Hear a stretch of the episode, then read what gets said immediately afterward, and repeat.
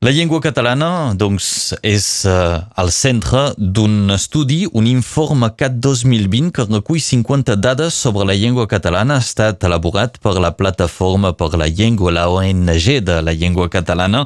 El seu president és amb nosaltres avui. Òscar Escudé, bon dia.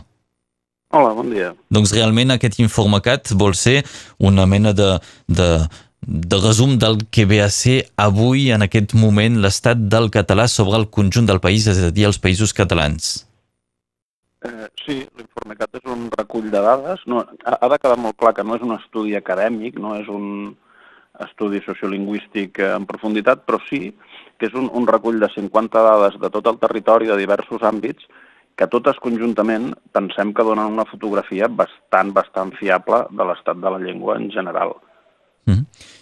En aquest, eh, en aquest estudi, una de les moltes dades que doneu doncs, fa referència als territoris on hi ha més catalanoparlants. I aquí es pot veure que destaquen les Terres de l'Ebre o la regió d'Alcoi Gandia.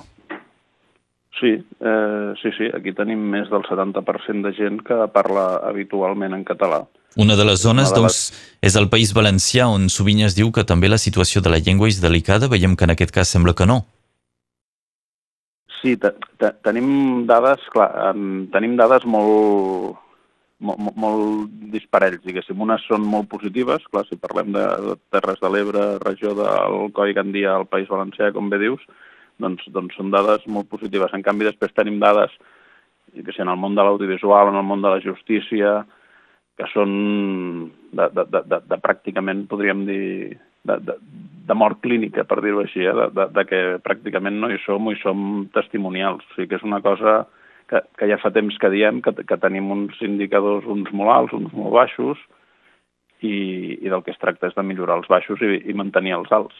Sovint el que passa és que un indicador alt és més en, en la presència de la llengua entre la població i l'indicador baix és el reconeixement que té o la presència a les institucions o a la premsa, no? Sí, sí, sí, això, això fa ja anys que ho diem, eh, quan presentem aquest eh, informe CAT, que és la novena edició, de que mm, podríem dir el, el titular permanent d'aquest informe CAT és allà on el català no té traves i es pot desenvolupar com una llengua normal sense els problemes afegits de no ser una llengua plenament oficial en, can, en cap estat eh, gran, és, eh, és el català va bé, diguéssim, a internet en la majoria de casos. Una de les dades que donem en aquest informe CAT és que a Twitter el català està per sobre de la, de la mitjana que li tocaria dins de la Unió Europea. O sigui, hi ha més piulades per, per habitant en català que en la majoria d'altres llengües.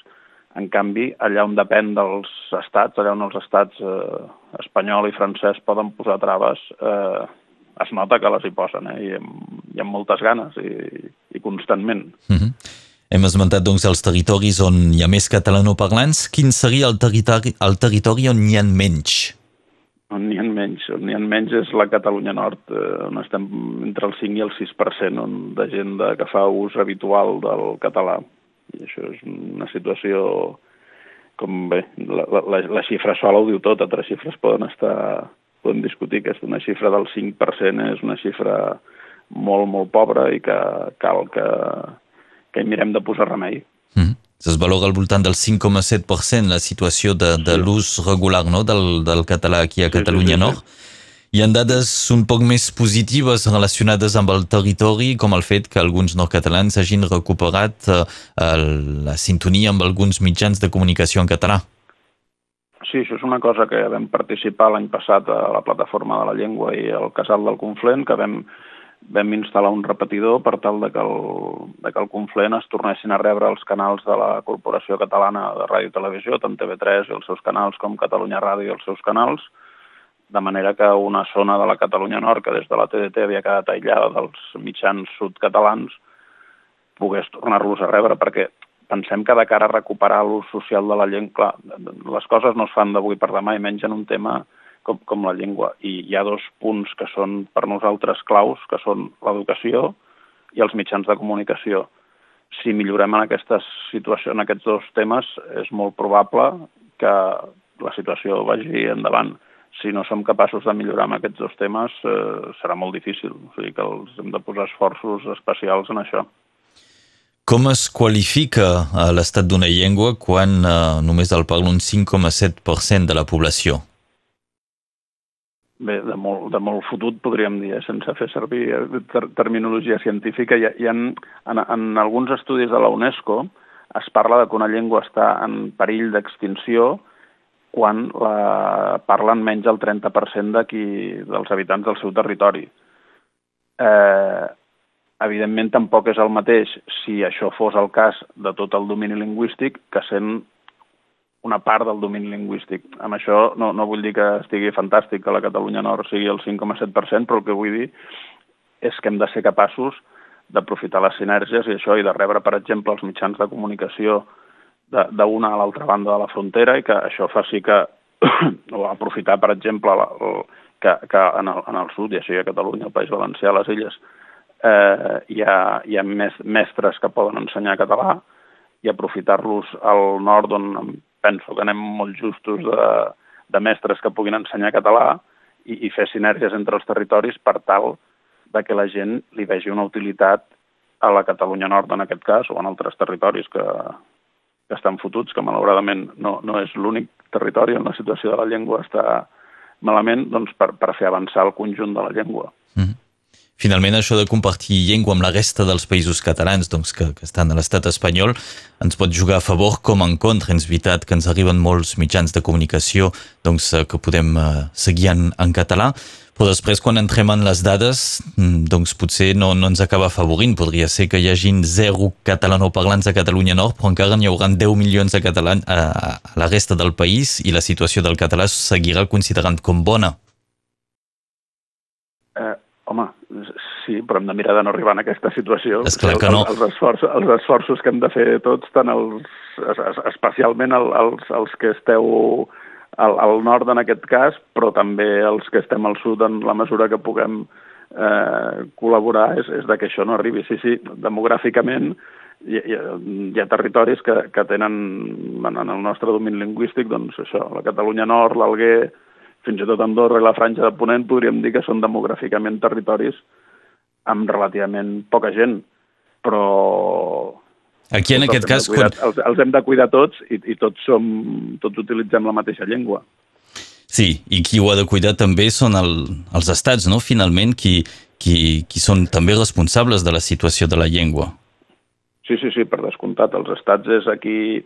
Sembla que menys els hi demanem perquè sabem que són els que més traves hi posen i els que si potser si poguessin ens farien desaparèixer almenys com a, com a llengua, diguéssim, però és, és evident que hi ha una responsabilitat seva i en, en el cas, per exemple, de l'estat francès, ni, ni tan sols ha ratificat la Carta Europea de les Llengües Regionals i Minoritàries i això seria una cosa que se'ls hauria de demanar a tots els estats, eh, l'estat espanyol l'ha ratificat i no el compleix, o sigui que aquí el que hauríem de demanar és que es complís, i sí, sí, per descomptat que els estats haurien de, de ser conscients que tenir llengües és una riquesa i no un problema. -hmm. No sé si un estat finalment té obligacions no, de cara a una llengua i en particular quan aquesta està en la situació del català aquí a, a Catalunya Nord. Bé, teòricament sí. A la pràctica s'ha demostrat que més o menys fan el que volen i, i, i no en paguen les conseqüències. Jo crec que aquí la, la clau és, per una banda, fer-los i veure, però fer-los i veure ha de ser amb, amb militància, malauradament. M més en el nord que en el sud, però també en el sud. Vull dir que aquí sí. tampoc estem eh, per felicitar-nos. Eh? Mm. Vull dir que, que hem de fer molta feina que ciutadans de països normals amb llengües que no estan minoritzades com està el català no, no han de fer aquesta militància. I, que... I al final això és on voldríem arribar, eh? a ser ciutadans normals com la... O sigui, no, no estem demanant res que altra gent, la majoria de la gent d'Europa, per exemple, no tingui. O sigui, que mm. el que ha de quedar clar és que no, no, no demanem una cosa estranyíssima, no, no, demanem el mateix que tenen la gran majoria de ciutadans europeus, que és tenir una llengua normal, reconeguda, i que puguem fer-la servir amb normalitat i sempre millor mirar per nosaltres mateixos el que podem fer per la llengua i no pas esperar el que pugui venir de fora, doncs què hem d'esperar dels catalans eh, pel futur de la llengua quan veiem algunes dades com el, sembla que el 50% dels habitants de Catalunya creuen que el català, valencià, mallorquí són llengües diferents. És una dada sorprenent aquesta? Sí, sí, malauradament és, és una dada que... El, i, i, I això fa només referència a la Catalunya Sud, eh? Sí. eh que la vam encarregar en una enquesta i, i, i de resultat d'aquesta dada vam posar en marxa la campanya Som 10 milions per sensibilitzar la gent i que tothom tingués clar que se li digui com se li digui, eh, la llengua és la mateixa, és el mm. mateix que es parla al Rosselló, el que es parla a Alacant, el que es parla a la Franja, el que es parla el que és català, amb les seves varietats, com tenen totes les llengües eh, mitjanes o grans del món. Tot, totes sí. les llengües tenen varietats i les seves particularitats en un lloc o en un altre, però la llengua, òbviament, és la mateixa i, i es tracta de, de, de, de protegir-la i d'usar-la com més millor. D'aquests 50% d'habitants de Catalunya que pensen que valencià, mallorquí i català són llengües diferents, la majoria són catalanoparlants, suposem, o, o es pot pensar. No, això, si no m'equivoco, eh, és més accentuat entre castellanoparlants, però una dada que això, mm, bueno, tampoc és que li restés importància, però, bueno, un, però una dada que sí que ho pensem que ho agreuja molt, és que és més accentuat entre els joves. Per sota de 30 anys no és el 50, sinó el 60% pràcticament de, de gent que pensa que són llengües diferents. I això pensem que per una banda hi ha un problema... Eh, sí, sí que és evident que hi ha un problema polític interessat que s'ha creat des de fa anys, però també hi ha un problema a, a l'escola. No pot ser que algú que ha passat per l'escola secundària no, no sàpiga que valencià, català, mallorquí i rossellonès són la mateixa llengua. Uh mhm. -huh. eh, se li digui com se li digui. I, I, i no és que ho diguin... Això, això està, perdona, -huh. i això està eh, afavorit eh, per, per, per l'estat eh, espanyol, per exemple, que en molts dels seus webs on té català, que no el té a tots, ni molt menys, no arriba a estar al voltant del 30%, els webs de l'estat espanyol on surt el català, el té, doncs en, en la meitat pràcticament està segregat català i valencià, mm -hmm. si parléssim de llengües diferents. Sí. I és... sovint aquesta temàtica de la, la unitat de la llengua, de si català i valencià són iguals, es posa sobre un territori polític, però finalment eh, qui té el seu mot a dir són els lingüistes i, i des d'aquest punt de vista la cosa està molt clara. Sí, sí, sí per, per descomptat, no, no, no hi ha cap lingüista de, de, del món que digui que són llengües diferents. Mm. Eh, vull dir que això va, va haver un moment que el País Valencià van crear l'Acadèmia Valenciana de Llengua que van intentar que digués el que cap lingüista pot dir perquè no és veritat i, i no van mm, aconseguir-ho perquè no van trobar lingüistes que, que, que diguessin que català i valencià no era el mateix. Vull dir que, que des del punt de vista científic el, el, el dubte, la discussió és, és zero. Vull dir, no, això ho tenim tots clar cal que ho tingui clar a la majoria de la població, ara que sapiguem que ens podem comunicar en la mateixa llengua des de Perpinyà a Alacant. Mm -hmm. Per acabar, Òscar Escuder, recordi que seu el president de la Plataforma per la Llengua, una altra dada, 85,7% eh, d'augment de nombres de denúncies per discriminació policial contra catalanoparlants. És una dada sí. molt, molt, molt, molt gran, molt forta.